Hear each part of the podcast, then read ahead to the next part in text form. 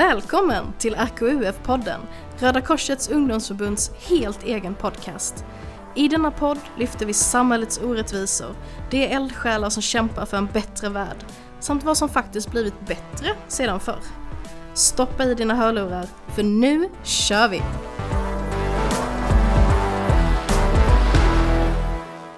Hej och välkommen tillbaka till RKUF-podden. Mitt namn är Michelle Andersson och idag har vi ett litet annorlunda avsnitt framför oss. För vi ska nämligen inspireras av Min Demokratiska Röst, en podd framtagen av Föreningen Norden med stöd av Myndigheten för ungdoms och civilsamhällesfrågor. Min Demokratiska Röst är en podd framtagen för att vara ett skolmaterial fyllt av diskussionsfrågor där allt såklart kopplas till just demokrati. Med mig i studion idag har jag Tyler Flynn. Hallå, hallå. Och Elin Åström. Hej! Tillsammans ska vi använda oss av Föreningen Nordens poddmaterial och diskutera vidare de här demokratiska frågorna som lyfts. Vi har då valt att eh, lyfta två av deras poddavsnitt för att eh, grotta ner oss lite extra. Så att vi kommer splitta upp det här i två separata avsnitt. För dig som lyssnar väntar alltså en del två om du får mer smak efter detta avsnittet. Men jag tycker vi kickar igång. Vad säger ni? Det låter bra det. Vi kör på. Super! Dagens avsnitt ska behandla ämnet frihet under ansvar. Elin, kan Mm. du berätta lite kort om vem du är och varför du sitter här idag? Ja, jag heter då Elin Åström. Ska börja andra året på gymnasiet. Eh, läser samhällsbeteende. Och eh, jag kom in eh, i RKUF genom läxhjälp i Karlstad då. Och sen hamnade jag här. Och det är vi jättetacksamma. Du har rest långvägar för att vara med. Ja men precis, jättekul. Så det har varit lite tåg. Så jag har hunnit sitta och läsa på och lyssna på, på podden eh, speciellt. Kul, kul. Och Tyler, vem, vem är du och vad gör du här idag? Jo, men eh, jo, så mitt namn är Tyler. Eh, Jag är 25 år gammal och jag sitter just nu som ordförande i RKUF Malmö. Kom faktiskt också in i eh, förbundet genom läxhjälpen, så väldigt roligt Mm. att eh, ha en fellow läxhjälpare här. jättekul. Ehm, och när jag inte är aktiv i RKUF så eh, jobbar jag heltid på café och restaurang. Kul. Varmt välkomna. Tack så mycket. I det här poddavsnittet av då Föreningen Norden, eh, Min Demokratiska Röst, så dyker de väldigt snabbt in i frågan kring vad frihet under ansvar faktiskt betyder. Vad, Elin, vad är din syn på det? Vad betyder frihet under ansvar kopplat till just demokratin? Mm. Jag drar ju direkt kopplingen då till rättigheter och skyldigheter. Det är det första som kommer upp, eh, eh kommer upp för mig. Om vi tänker att eh, vi i Sverige har ju rätten att uttrycka oss. Vi har också skyldigheten ehm, till att stå för vad vi säger och för att inte såra andra. Vilket också då blir den friheten att vi kan prata öppet men att vi också måste ta ansvaret. Så jag tänker väl också att man kan inte ha frihet under ansvar och att man måste känna lite med moralen. Tyler, har du några tankar när du har frihet under ansvar? Nej, men jag håller helt och hållet med Elin. Jag tycker att när man hör det uttrycket så tänker man... Mina tankar går i alla fall direkt till liksom konversationen om free speech och vad det faktiskt innebär i praktiken. Mm. Av att bara för att man har möjligheten att säga vad som helst betyder inte det av att man kan uttrycka sig på vilket sätt som helst utan att det finns konsekvenser. Så jag tror att speciellt det här av att koppla det som att med rättigheter och skyldigheter tycker jag är ett väldigt fint sätt att Mm. säga det kort och gott. Jag tycker de lyfter en rätt så intressant fråga i den här podden. Att om vi är helt fria, varför måste vi då ta ansvar? Att ha ansvar över sin frihet är ett krav för att få ha kvar sin frihet på något sätt. Att man får ha frihet i ett demokratiskt samhälle, men det kommer också med ett pris. Att du inte får göra vad du vill. Det finns lagar i samhället. Och om du inte tar ansvar för din frihet och typ trotsar de lagar och regler som finns, då kommer du bli av med din frihet. Genom att till exempel sättas i fängelse eller någonting. Har ni några tankar på det? Oj, alltså det, det är en jättebra fråga. Jag tänker ju, jag tänker mer att det är att vi människor eh, ska behandla andra väl. Jag tänker mest i det att alla ska få vara fria. Eh, men med den här friheten så kommer det ju ett ansvar om att ta hand om varandra. Jag Tänker även med planeten, ta hand om klimatet. Bara för att vi kan vara ute i skogen och ha friheten där ska inte vi gå och skräpa ner och förstöra. Utan vi måste även ta ansvaret. Eh, så jag ser det mer som ett samarbete i allt. Klimatet, medmänsklighet. Tyler, tänker du? Jo men absolut. Ja. Och jag tycker man kan också grotta ner sig egentligen på det här, vad är frihet egentligen? Ja. Har man privilegiet av att säga att man känner sig fri, mm. då har man ju troligtvis mött de här basala behoven av att du har varma kläder, du har tak över huvudet och du kan äta dig mätt på dagen. Och jag tror att oftast, ibland i den här konversationen så tar vi de sakerna för givet. Mm. Uh, och jag tycker att speciellt inom förbundet också så har vi också frukostklubbar och där märker vi direkt ungdomar till ungdomar av att det är fortfarande barn som går hungriga. Ja. Och det är väldigt svårt att prata om frihet i sådana fall då, om man inte har mött de här basala behoven. Mm. Uh, och det är ju där vi har mycket av, liksom, av vad ideella organisationer och vad staten kan hjälpa oss med. Um, men som, som du säger, då kommer ju den här skyldigheten tillbaka. Mm. Av att även om inte alla är uppmärksamma om de här delarna så finns de fortfarande i operation. Ja, väldigt intressant precis som du säger. Att diskutera frihet och demokrati. Såklart måste de basala, ja men mat, husrum, allt sånt mm. tillmötesgå först. Och eh, i poddavsnittet så intervjuar de Peter G Stadius som är professor och forskningsdirektör vid Centrum av Nordenstudier. Eh, han lyfter en väldigt intressant tanke om individens frihet och statens inflytande i de nordiska länderna. Ja, den nordiska friheten, man talar ju mycket om det sådär rent historiskt och, och det är en lite speciell, uh, ska vi säga, det finns en speciell twist kring den här nordiska friheten för att det finns ju något ganska paradoxalt i det att vi å ena sidan har vi en väldigt stark stat och ett starkt förhållande mellan individen och staten. Det vill säga, i, till exempel om vi jämför med Storbritannien så har vi i Norden en tradition av att individen frivilligt underordnar sig staten. Man ger sina uppgifter, man har personnummer, man, man äh, betalar snällt sin skatt. Man, man äh, anser att det är fullständigt naturligt och berättigat att äh, man har allmänna skolor, att alla går och att de är statliga. Så på sätt och vis, eh, som ofta en del ser som någon slags förmyndarsamhälle, så hur går det ihop med den här friheten? Eh, återigen den här kopplingen, om vi är så fria, vad kan staten komma och sätta krav på oss och ändå kalla det en demokrati? Elin, hur går dina tankar? Det här är faktiskt um, en av mina favoritdelar med det poddavsnittet. Jag tycker det är otroligt intressant. Jag fick verkligen en, en ögonöppnare där. Um, för för mig så har det varit så självklart, eller det har inte varit något jag gått och tänkt på, att staten kan ha liksom, koll på oss genom personnummer. De kan läsa alla våra sjukhusanteckningar och allt. Och jag började direkt tänka på jämförelser med andra länder. Och vad olika friheten kan innebära i olika länder.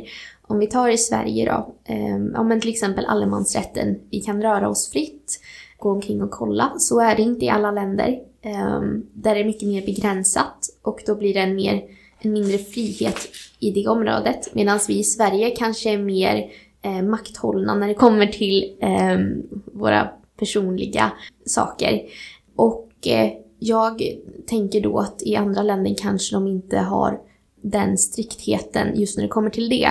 Eh, men då började jag fundera lite, men vad, vad, vad skulle jag vilja ha? Vad tycker jag är bäst? Är det att ha att jag eh, mer själv är liksom styrd över vart jag får gå, um, hur jag kan, ja men jag kan vara i skogen om jag vill. Eller vill jag ha att, eh, ja, men, att jag, ingen behöver veta mitt personnummer eller allt sånt. Och jag kom väl fram till att jag tycker att det är bra, det som vi har i Sverige. Eh, I och med att jag tänker att det inte påverkar vårt vardagliga liv på samma sätt. Om jag skulle åka eh, utomlands nu, då hade jag ju behövt kolla upp, ja men får jag gå här, vart får jag vara? Eh, det gör jag ju inte när jag är här i Sverige. Och det här med siffror, det är ju så inpräntat så det kan ju också vara det. Eh, men jag har ju inga problem att se mitt personnummer och så, medan det kanske man har i andra länder. Så jag tycker väl ändå att vi har en frihet i och med det. Att vi har så mycket fritt när det kommer till handlingar. Men ja, att staten ändå har koll på oss som individer skulle jag säga. Ja, nu blev det lite rörigt här, men hänger ni med?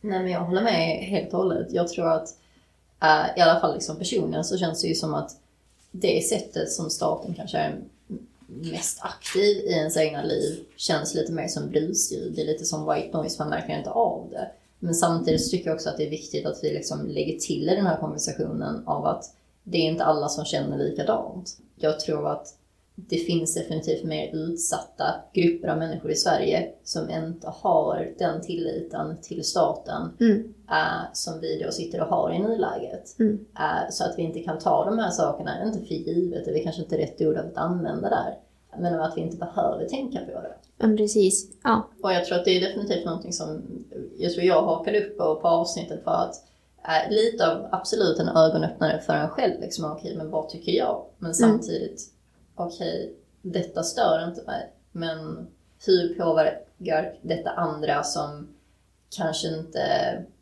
har de här liksom intrinsic privileges som jag har av att vara liksom en vit ung person som är liksom född och uppväxt i Sverige Mm. med svenska föräldrar. Så jag tror att det finns väldigt mycket man kan ta från den här konversationen. Vilket är ju alltid jätteroligt.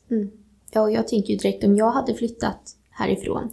Jag hade kanske inte känt mig jättebekväm med att dela med mig av av en personnummer om jag, om jag vill bli medlem i en affär i, men, jag, jag åker vart som helst i Asien. Och så säger de, ah, vad har du för personnummer? Jag hade nog inte gjort det.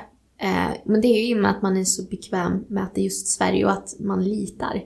Men det är väl därför det blir så viktigt att tänka på att alla som inte är födda här i Sverige inte känner den tryggheten. Och det tyckte jag verkligen att de, att de fick fram bra. Men som sagt, jag tyckte det var så otroligt intressant just det här att de har ju koll på staten på ett sätt. Och jag har, jag har verkligen inte tänkt på det. Ja, Ja, jag tror ni lyfter något väldigt intressant där, att man ändå har tillit till den Ja. svenska regeringen och folk i maktpositioner såsom polis i Sverige som man kanske inte hade haft i ett annat land. Definitivt. Jag tror bara för att väldigt kort lägga till på det, jag tror att speciellt av att mycket av detta kommer upp för att det är valår och allting sånt och det är klart att ofta så har vi väldigt mycket att säga om eh, specifika personer i maktpositioner. Men samtidigt, jag tror speciellt där tilliten till speciellt institutionerna. Mm. Så det kanske inte är liksom individuella kommuner eller liksom poliser, men så som institutionerna och byråkratin ska fungera i teorin i alla fall, tror jag att vi har ganska stor tillit för. Av att Mm. okej, om någon skulle använda mitt personnummer fel och jag skulle, min liksom personliga frihet skulle bli kränkt på ett visst sätt, så tror jag att det finns en direkt tillit av majoriteten av oss i alla fall av att okej, men någon kommer ta tag i det. Ja. Det kommer finnas konsekvenser för det. Ja men precis, och då om man kopplar vidare då, då tänker jag ju direkt då eh, frihet under ansvaret. Vi har den här friheten att vi kan dela med oss av det för vi tänker att någon kan ta ansvaret av det. Intressant diskussion. Det var mycket, många stenar att vända på. Tack för det. Det är också väldigt svårt att prata om demokrati utan att nämna yttrandefrihet. Det är ändå en av våra grundlagar. Eh, Yttrandefrihetsgrundlagen togs i bruk 1992 i Sverige, så det är, det är ett tag sedan. Och skyddar allas rätt till att uttrycka tankar, känslor och åsikter. Yttrandefrihetslagen skyddar även mot censur, vilket innebär att ingen myndighet får i förväg granska något material. Alltså, de får inte granska och censurera någonting som ska publiceras i exempelvis tidningar eller i TV. Däremot så har vi någonting som heter yttrandefrihetsbrott som faktiskt öppnar upp luckor i den här yttrandefrihetsgrundlagen. Exempelvis hets mot folkgrupp. Skulle det någon gång gynna demokratin att censurera? Jag tänker så lite som möjligt med censur. Eh, min första tanke är att det är någonting odemokratiskt att göra, att staten går in och censurerar för sin befolkning. Men sen är det också det här med frihet under ansvar lite, som vi pratade om. Att det är viktigt att man inte kränker någon eller använder ord man inte ska använda. Eller, men den där gränsen kan vara svår att dra.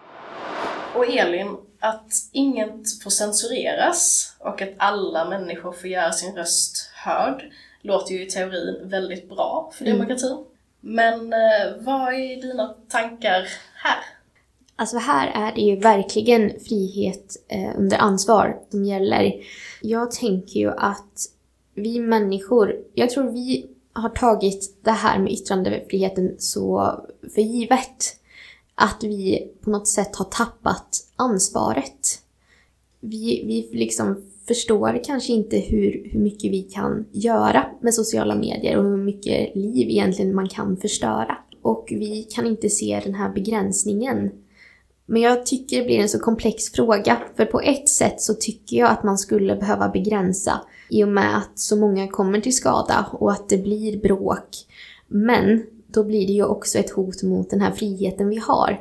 Så det blir ju en, svårt vart man ska, liksom ska dra gränsen. Men jag tror just att det ligger mycket i det här att det har blivit eh, det har blivit så självklart för oss att vi, vi bara tänker att vi kan göra som vi vill. Människan är inte mogen för att ha just det ansvaret än, utan jag tror verkligen det är något man måste utbilda mer i. Och så tänker jag ju direkt då tillbaka om en 30 år, när det inte var så öppet. Då mådde ju en del personer bättre. Det har man ju sett. Sociala medier förstör ju och det är mycket nyheter och man blir förvirrad och man vet inte vad man ska tycka och tänka. Och det är ju samtidigt jättebra att vi har nu att vi kan vara så öppna och vi kan få in så många inputs i våra liv. Men samtidigt så tror jag ändå att man på något sätt skulle behöva begränsa. Men det är ju just det här med friheten. Jag är så kluven. Och jag önskar att jag bara hade ett rakt, korrekt svar. Men jag, om jag ska komma fram till något så tror jag att eh, vi människor tar det för givet och inte är, vi är inte mogna än riktigt till att kunna veta vart, vart vi ska ta ansvar. Ja, ingen blir förvånad längre när det dyker upp källor från diverse håll på sociala medier där det ena säger att det här är sant och den andra säger att det andra är sant.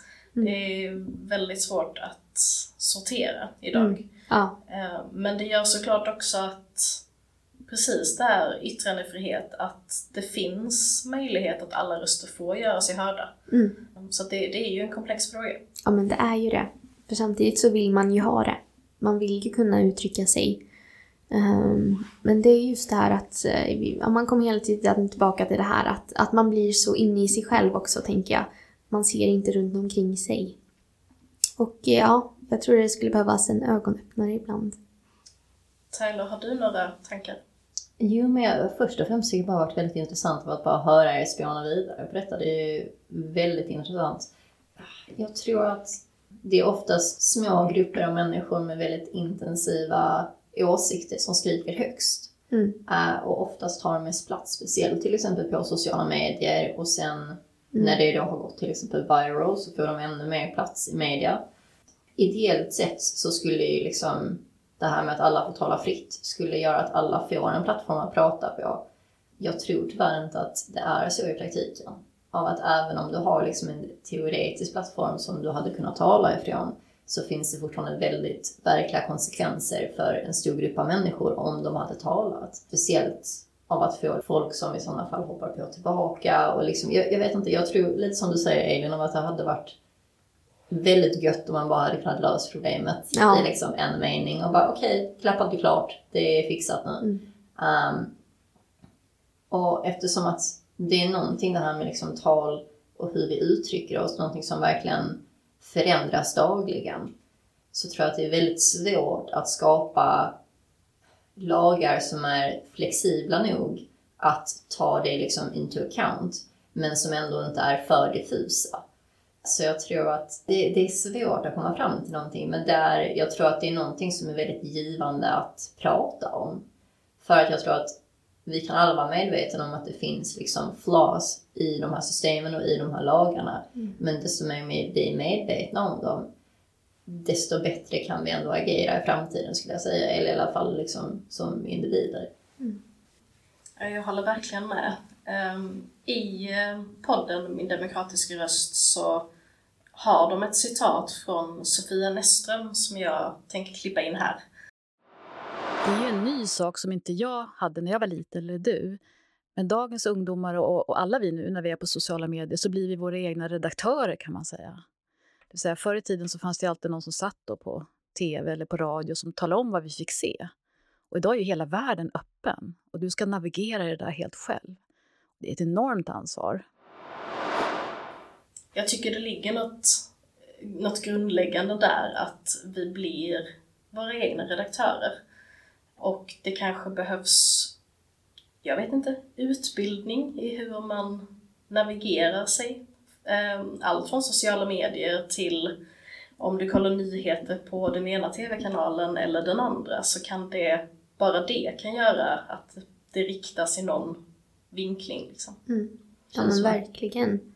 Och jag, jag tänker det, det som blir en fara med att det blir, blir så mycket. Det blir ju, som du sa, det här blir jobbigt att rensa ut. Vad är riktigt, vad är inte riktigt?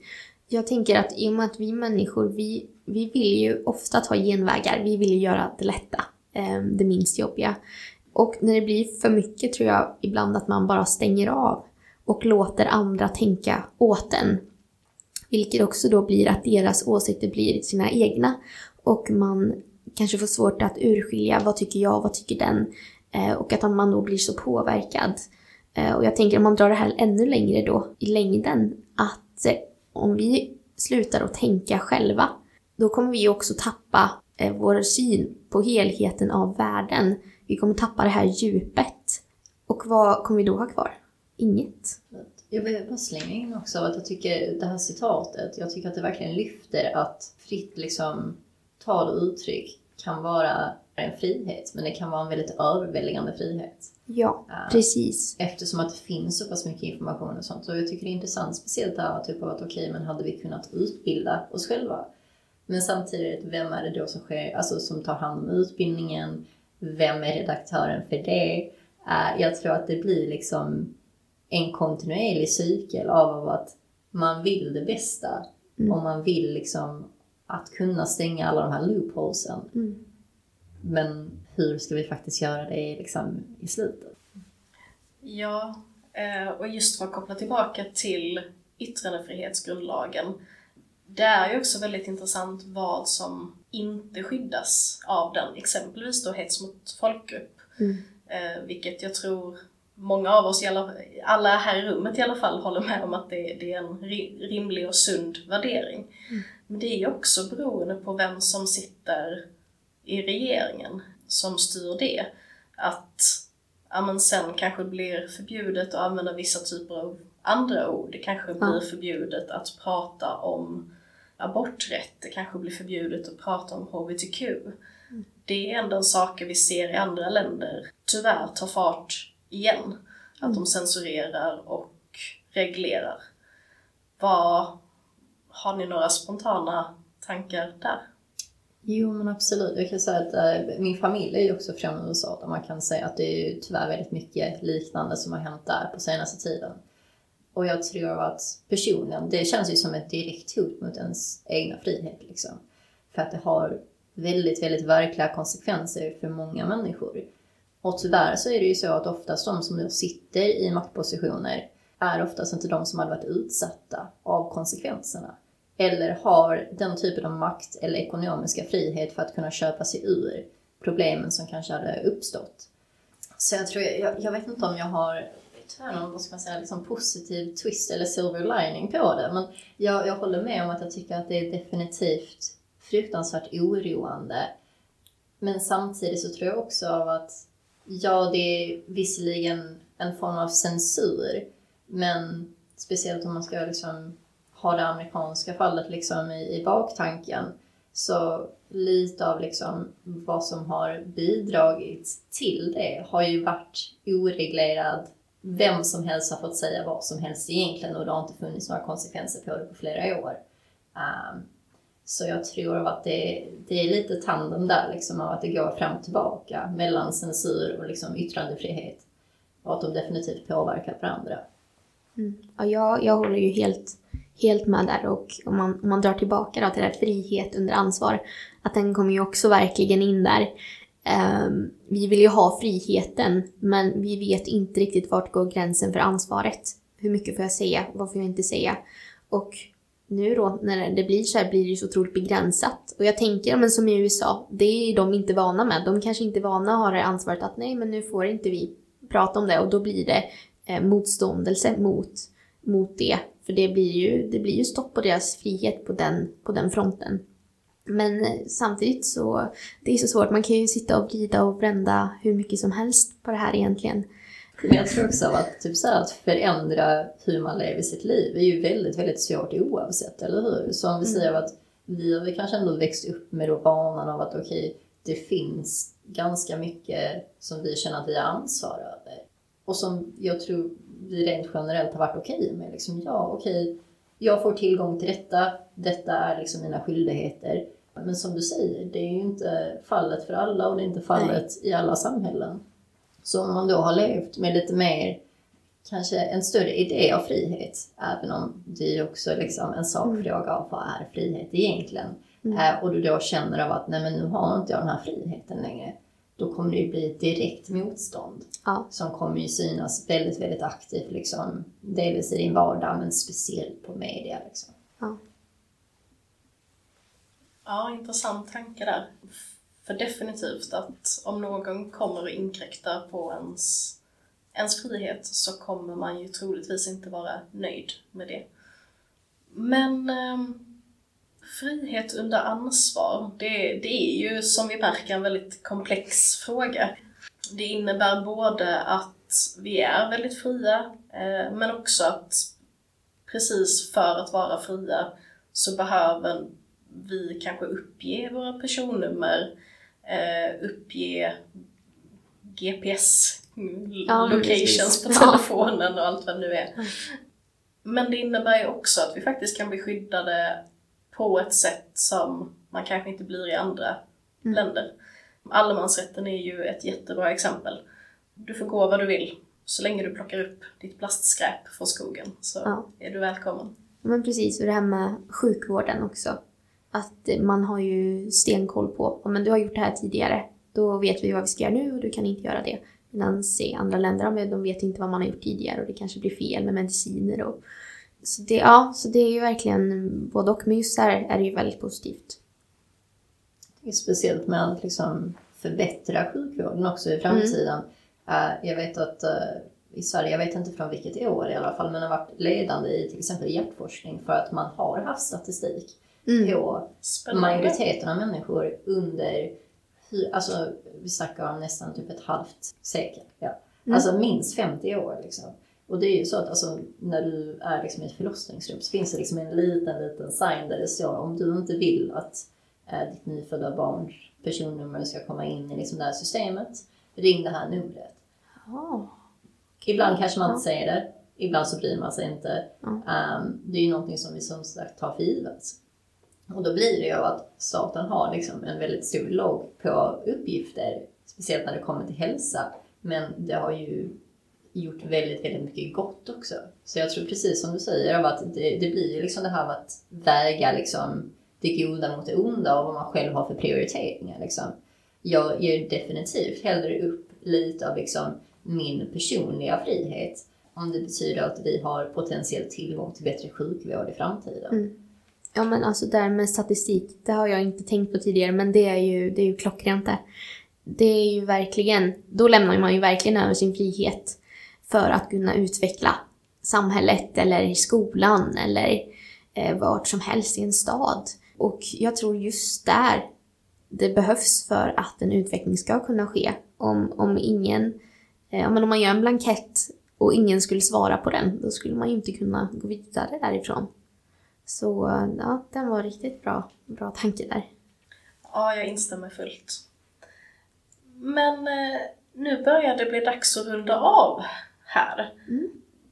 Elin, har du några sista tankar du vill skicka med till lyssnaren? Just kopplat till demokrati, frihet under ansvar och yttrandefrihet. Mm. Men absolut. Ehm, jag eh, tänker ju direkt på det här. Det är ju också ett stort ämne att gå och rösta. Och jag tänker ju att det verkligen är att ta frihet under ansvar. För det är ju en frihet vi har i att kunna gå och rösta, att vi kan rösta på det vi vill, det vi håller med om. Och det ansvaret tycker jag verkligen att vi borde ta. För jag tänker att det är ett sätt för oss att bibehålla demokratin och våran frihet som finns. Men också för att föra vidare den och att värna om det som andra redan har kämpat för, för att vi ska kunna ha det nu. Så jag tycker verkligen att det sätter liksom toppen av att eh, för att kunna ha friheten så måste vi leva upp till, till ansvaret. För att eh, vi ska kunna ha demokrati så, så måste vi gå och rösta. Det är, det är något som krävs. Och när det här avsnittet släpps så kommer vi ju precis ha haft ett val. Mm. Där jag verkligen hoppas att valdeltagandet, eh, statistiken är högre än någonsin. Mm. Ja, jag med. Tyler, har du några sista eh, ord som du vill lämna lyssnaren med? Ja, men absolut. Alltså, jag tycker Eivind har sagt det så, så ofantligt bra redan. Jag tror att äh, det enda som jag hade velat tillägga är väl kanske att definitivt liksom fråga dig själv vad frihet är för dig. Äh, men också ta ett steg tillbaka och tänk, dessa är friheterna som jag har. Är detta någonting som faktiskt alla i min omgivning också delar? Och i sådana fall finns ett ansvar som jag har som är lite mer privilegierad i denna diskussionen som jag kan ta och föra vidare för att lyfta andras röster. Mm. Verkligen. Ta ett steg utifrån dig själv och se, se runt omkring. Exakt. Och jag tror att jag vill skicka med ordet källkritik. Mm. Ehm, Var medvetna om att det finns olika typer av information där ute. All information stämmer inte. Faktachecka gärna innan du sprider vidare på sociala medier. Ja, verkligen. Ta tid. Lägg ner det. Det kommer hjälpa dig. Var din egen redaktör som de sa. Mm. Ja, då eh, tackar vi för oss. Du som lyssnat, jag hoppas du har haft ett trevligt avsnitt. Det kommer en del två. Håll ut. Ha det bra. Hej då! Hej då! Hej! Tack för att du lyssnade. Glöm inte att trycka på följ eller prenumerera-knappen i den poddtjänst du lyssnar på för att inte missa när vi släpper nytt avsnitt. Vill du nå oss så går det alltid att mejla podd.rqf redcross.se Kanske har du tips på avsnitt du gärna hade velat höra eller andra inspel. Tills nästa gång, ha det bra!